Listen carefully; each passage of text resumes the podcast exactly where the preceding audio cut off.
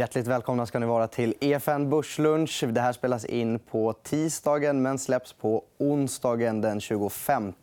Eh, och nu ska vi äntligen få dyka ner i grafernas värld. och Det gör vi tillsammans med Nils Brobacke. Välkommen. Kul att vara här, Albin. Kul att ha dig tillbaka. Får man lov att säga. Ja, eller hur? Ja. Eh, det var roligt sist. Jag hoppas vi ska kunna slänga upp lite intressanta grafer idag också. Jag kommer hålla ett högt tempo. Jag har med mig flera grafer. Men eh, Ja, det blir nog kul. Mm. Eh, och, och, när jag säger vi slänger oss ner i grafernas värld, man kan nästan säga också att vi slänger oss ner i psykologins värld. För det är det vi försöker illustrera på de här graferna. Eller hur? Absolut. Eh, när vi tittar på prisdata och teknisk analys så handlar det mycket om psykologi.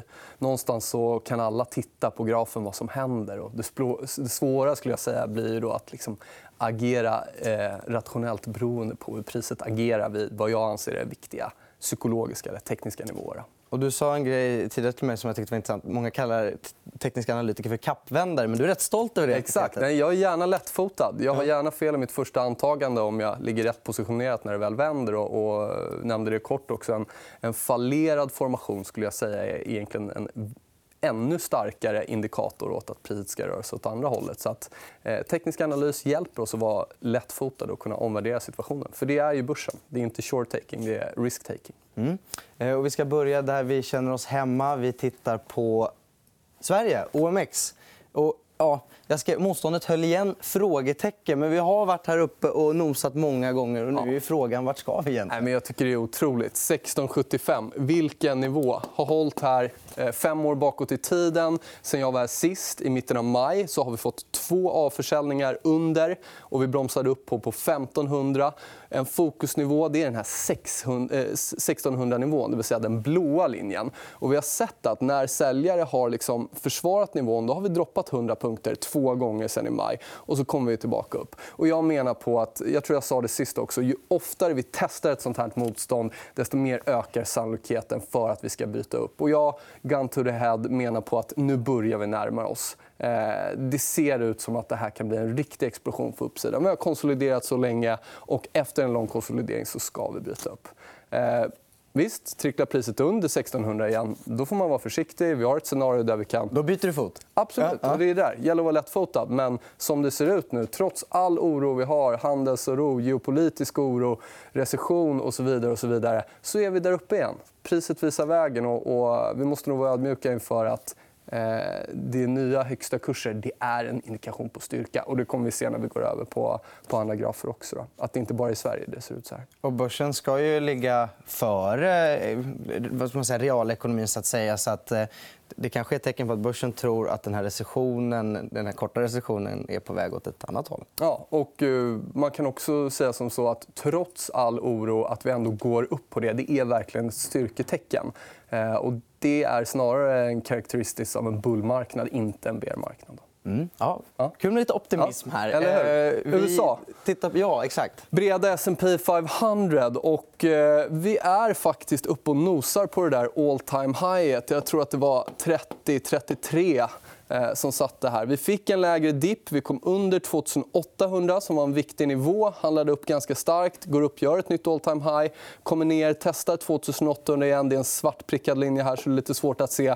Köpare kommer in kraftigt och nu är vi här uppe igen. Och det här är inte ett svaghetstecken. Jag, jag, jag, måste ändå reinforcera det. Att vi är tillbaka vid det här motståndet. Och, eh, liksom, får vi ett bryt upp här nu då kan det gå eh, ganska snabbt på uppsidan. Och vi har faktiskt utrymme att ta oss ända ner till 29-20. Den här viktiga röda linjen. Varför viktig? 2018 års topp.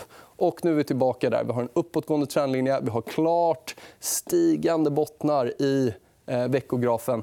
Och det är en karaktäristisk av en upptrend, inte en nedåttrend. Stigande toppar, stigande bottnar. Mm. Om vi ska bryta ner bara kort på sektorbasis. Nu har vi inte med de graferna. Men Consumer Staples gjorde just ett nytt all time high. Eh, vi har IT som ser ut att bryta upp ur en konsolidering, testa highs. Healthcare ser också starkt ut, handlas väldigt nära eh, sina högsta nivåer.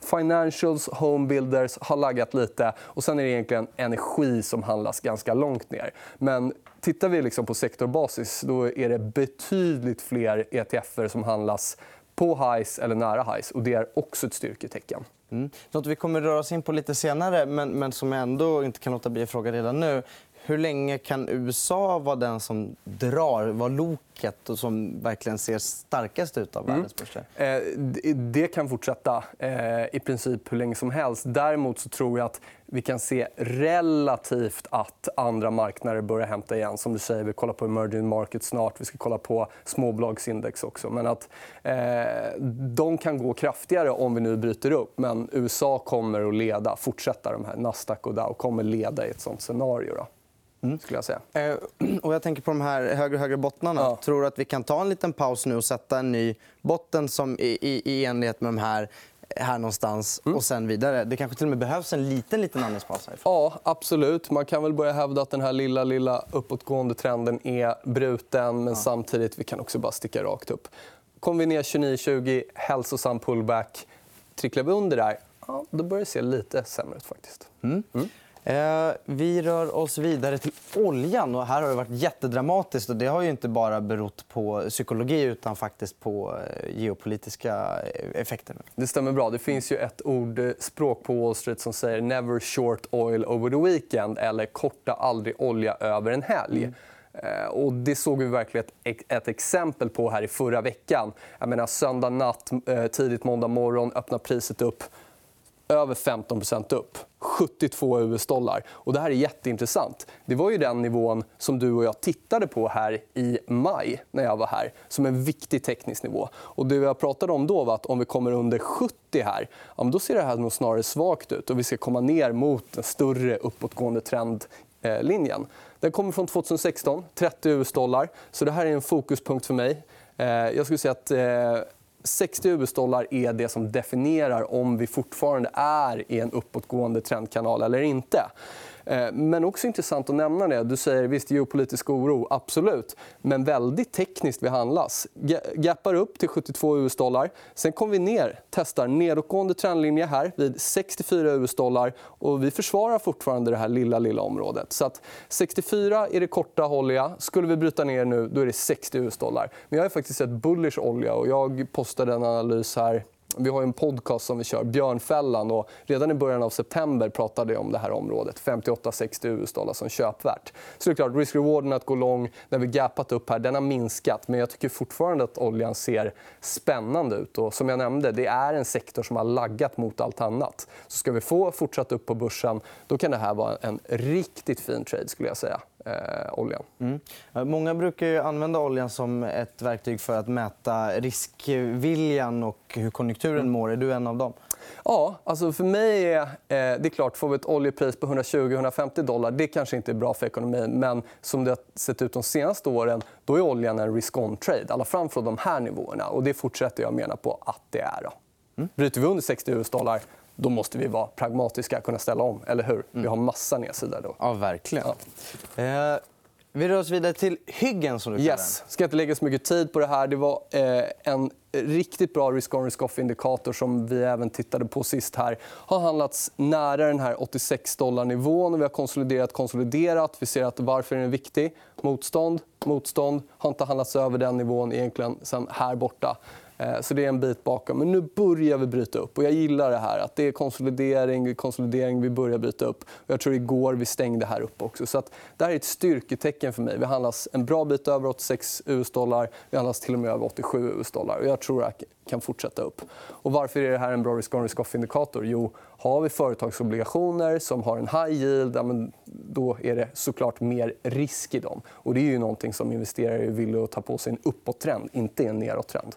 Mm, så alltså, då kan man läsa in att det skulle kunna vara bra även för vanliga aktier. Absolut. Risk on. Går den här tillgången upp så ska aktier upp. Ehm, och sen så har vi yenen. Och Även det här brukar väl kallas för en eh, risk-on, risk-off-indikator. Absolut. Du frågade mig varför sist. Ja. Jag hade inget bra svar på det Nej. annat än att det facto är så. Eh, Så yen är en risk-on, en risk-off-trade. Och I det här paret har vi ju USD-JPY. Och det betyder att när det här går ner så stärks yen och när den går upp så stärks dollar. Och jag tycker den har liksom betett sig tekniskt väldigt väl. Det var den här 110-nivån som vi handlades vid sist jag var här. Eh, Och vi pratade om att det är en viktig skiljelinje. Börjar vi komma ner här då indikerar det yenstyrka och svaghet för börsen. Och vi har tricklat ner. Vi tog oss hela vägen ner till en mycket tydlig horisontellt stöd.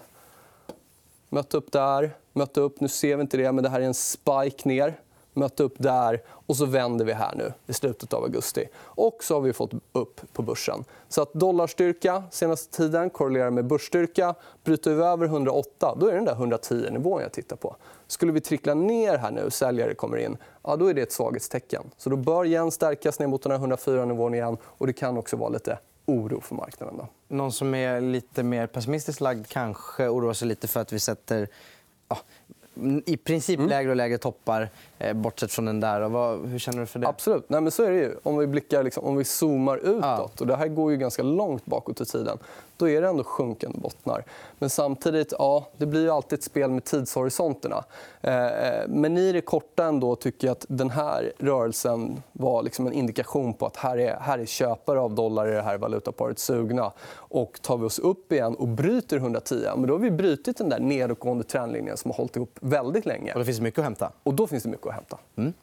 Eh, vi tittar på tillväxtmarknader också mm. som eh, ja, är nere vid väldigt viktiga nivåer? Det skulle jag säga. Och framförallt så har vi fått en push upp från en väldigt viktig nivå. Ja. 40 US-dollar, tidigare stöd, stöd. och vi ser att emerging markets har inte hängt med i liksom, USA-racet.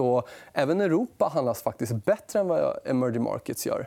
Och något jag nämnde sist som jag vill säga igen är att för att jag ska tro på ett fortsatt bullrace då vill jag se att de som har laggat faktiskt hänger med. Och emerging markets är en sån tillgång. Och vi fick en bra tryckare upp från 40 här. Nu handlas vi vid en nedåtgående trendlinje vid lite drygt 43 US-dollar, den här röda linjen.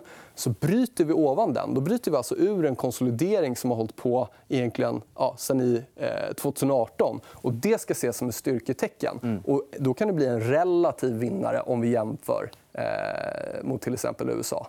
USA fortsätter upp, men den här kommer gå ännu mer upp. Då. Och en råvara som är bra att hålla koll på när det gäller emerging markets det är koppar. Koppar handlas spannet 260-250 US-dollar och ser ganska lik ut om man drar liksom en, en uppåtgående trendlinje och ett stöd här. Så med stor sannolikhet ska kopparn etableras ovan 260 US-dollar och fortsätta uppåt om vi ska ha ett bryt upp. I och då vill de ha ett starkt kopparpris? Starkt kopparpris, bullish för emerging markets. Mm. Eh, dollarindex. Ja, vi mm. pratade ju lite dollar när vi pratade yenen. Det gjorde vi. Eh, ja, vad kan vi säga om den här? Nej, men jag hade med den här grafen sist. och Då var vi här kring den här 26-nivån. Och det var ganska många eh, veckor av upp och ner här. Ganska mycket osäkerhet. Och det vi tittade på var att om vi nu skulle vända ner här så skulle det vara självklart ett svaghetstecken för dollarn och även ett svaghetstecken för börsen. Men det gjorde vi inte. Vi sidledes konsoliderade vid 26 och sen stack vi upp till nästa viktiga nivå, 27. Tidigare topp. Så att, eh, dollarn ser fortsatt stark ut. Jag, jag, jag kan bara konstatera att det, prisrörelserna visar att dollarn överlag är stark. Och det kan, om man säger som med oljan, att får vi en extremt högt dollarpris ja, men då kan det bli problem. Men eh, som det ser ut nu är det fortfarande en risk on trade i det stora hela. Det känns som att bilden ändå från, är väldigt samstämmig från de flesta tillgångsslag vi tittar på. Att det känns ganska risk-on just nu. Jag tycker det. Och visst, nyheter är all ära, men det är prisdatan som visar oss vägen. Det är faktiskt det som gör att vi tjänar pengar på våra, våra placeringar och trades. Eh, och prisdatan i, i princip alla saker vi tittar på indikerar styrka. Mm. Uh... Internetindex. Och det är Tech, kan man säga. exakt. De 40 största eh, it-bolagen som handlas bort i USA. Det här är faktiskt en graf som jag tycker att om man är negativ till börsen och vi kan inte bara liksom ha en, en, en positiv tro och alltid följa den. Vi måste ändå titta på motargumenten. Och den här, det här tycker jag är ett bra motargument för varför vi kan få lite sälj från nuvarande nivåer. Vi har konsoliderat i åtta veckor här kring 134 US-dollar. Och efter konsolidering, vad händer då? Jo, då ska vi ha ett stort bryt mm. åt något håll, volatilitet. Och jag är inte säker på ännu vart den här bryter. Skulle vi bryta ner här, ah, men det är inte bra. Det är verkligen någonting för björnarna att liksom ta fasta på. Däremot, trickla upp här, röra sig mot högsta styrketecken. Mm. Absolut. Så den här ETFen är, är någonting som man bör tycker jag, hålla koll på. Mm, det är väldigt indextunga aktier. Mycket indextunga. Så att det driver såklart marknaden om vi, om vi bryter ner. Och då har vi faktiskt eh, ganska mycket nedsida här. Jag tror det är en 10% ner om vi skulle göra det. Och det kommer ju klart att straffa de andra breda indexerna också. Mm, dramatiskt ja. i sådana fall. Eh, Småbolagen också är Yes. intressant. De har inte riktigt hängt med lite som emerging markets. Får Stämmer bra. Ytterligare en sån här eh, participation case. Att vi vill se att småbolag hänger på de stora indexerna. Eh, och, eh, relativt så handlas vi lågt mot eh, Nasdaq och Dow. Eh, men nu börjar vi se en intressant rörelse. Det vill säga, vi har konsoliderat en längre tid. Vi bryter över en nedåtgående trendlinje. Och jag menar på att vi kan ta oss och egentligen återtesta den här blåa linjen på 150 US-dollar och ändå vara i en positiv trend. Eh, tar vi oss över 160 US-dollar, den röda linjen, ser det jättestarkt ut. Då är det topptest tror jag, på gång. Ja, ja, spännande. Det är så vi lägger också pusselbitarna en här. som relativt skulle kunna gå bättre än index. Kan jag tänka. mig. Det tror jag. Absolut. Och det är nåt vi ofta ser i en stark marknad. Att småbolag, lite mer risk, sticker mer. En titt på tioåringen också. Ja. Om, om 10, 20, 30 år när du och jag står här i framtiden kanske vi pratar om 100-åringar. Men än så länge pratar vi fortfarande om 10-åringen. Det stämmer bra. Och, och det här är väl kanske den grafen som jag tror har överraskat de flesta. Eh, om vi blickar tillbaka lite så hade vi under eh, hösten 2018 ett extremt eh, konsensus kring att räntor skulle fortsätta upp. 3,2 tror jag att det låg på. 3,25. Och det var en artikel i Wall Street Journal där man tillfrågade 69 nationalekonomer. Noll av, 9, eh, noll av 69 nationalekonomer trodde att vi skulle ligga på en ränta under 2,4 nu i juni sommar. Men var, var, är vi? Ja, men 1,45. Så jag menar, det här har gått emot hela konsensus. Och det här är faktiskt ett case som jag har pratat om sen i höstas. Och sist, eh, sist vi var här då var vi vid den här 2,4 procenten. Och Det var den här 2016 års räntebotten som jag satt och tittade på. Och vi kom dit. Vi slog faktiskt lite över där jag tittar på. Jag tror att det här kan vara en långsiktig räntebotten uppe vid den här röda linjen. Eh, Det kan nämnas också att i den här grafen så har man ju vänt på det. Så när räntan går ner då stiger priset på obligationen. Så att får vi nu en räntebotten här då bör det här indexet börja trickla ner igen. Och jag tror att det här spannet mellan 1,45 och 2% blir väldigt viktigt. Skulle vi nu bryta över 2% i räntan, eller under den här nivån, den blåa linjen då talar det för en stark aktiemarknad, ett svagt guldpris, en stark olja och också stark koppar, emerging markets och så vidare. Så Det är också någonting som jag skulle vilja se för att tro på en fortsatt färd upp.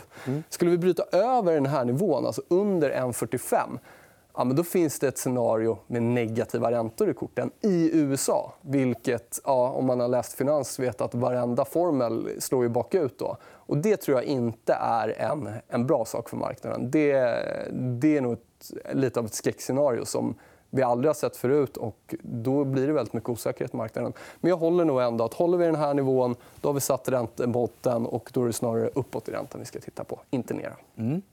Eh, och sen så har vi guldfeber. Ja. Det blev ju ett rejält rally. Vilket rally vi har haft. Ja. Jag tror väl sidan av räntor som har performat otroligt bra eh, om vi blickar tillbaka nu här senaste tiden så är det också guld och ädelmetaller som har gått otroligt bra. 1300-nivån, eh, viktig teknisk nivå. En nivå vi handlades vid när jag var här sist i mitten av maj. Och stora fokusnivån var den här blåa linjen. eh, 1360. Vi kan gå tillbaka flera år för att se eh, att det liksom, vi har inte handlats ovan. Och när vi bryter en sån nivå då ska vi upp rejält. Eh, etablering ovan 300, kom upp till 1360 och sen sticker vi vidare. Nu är vi 1500.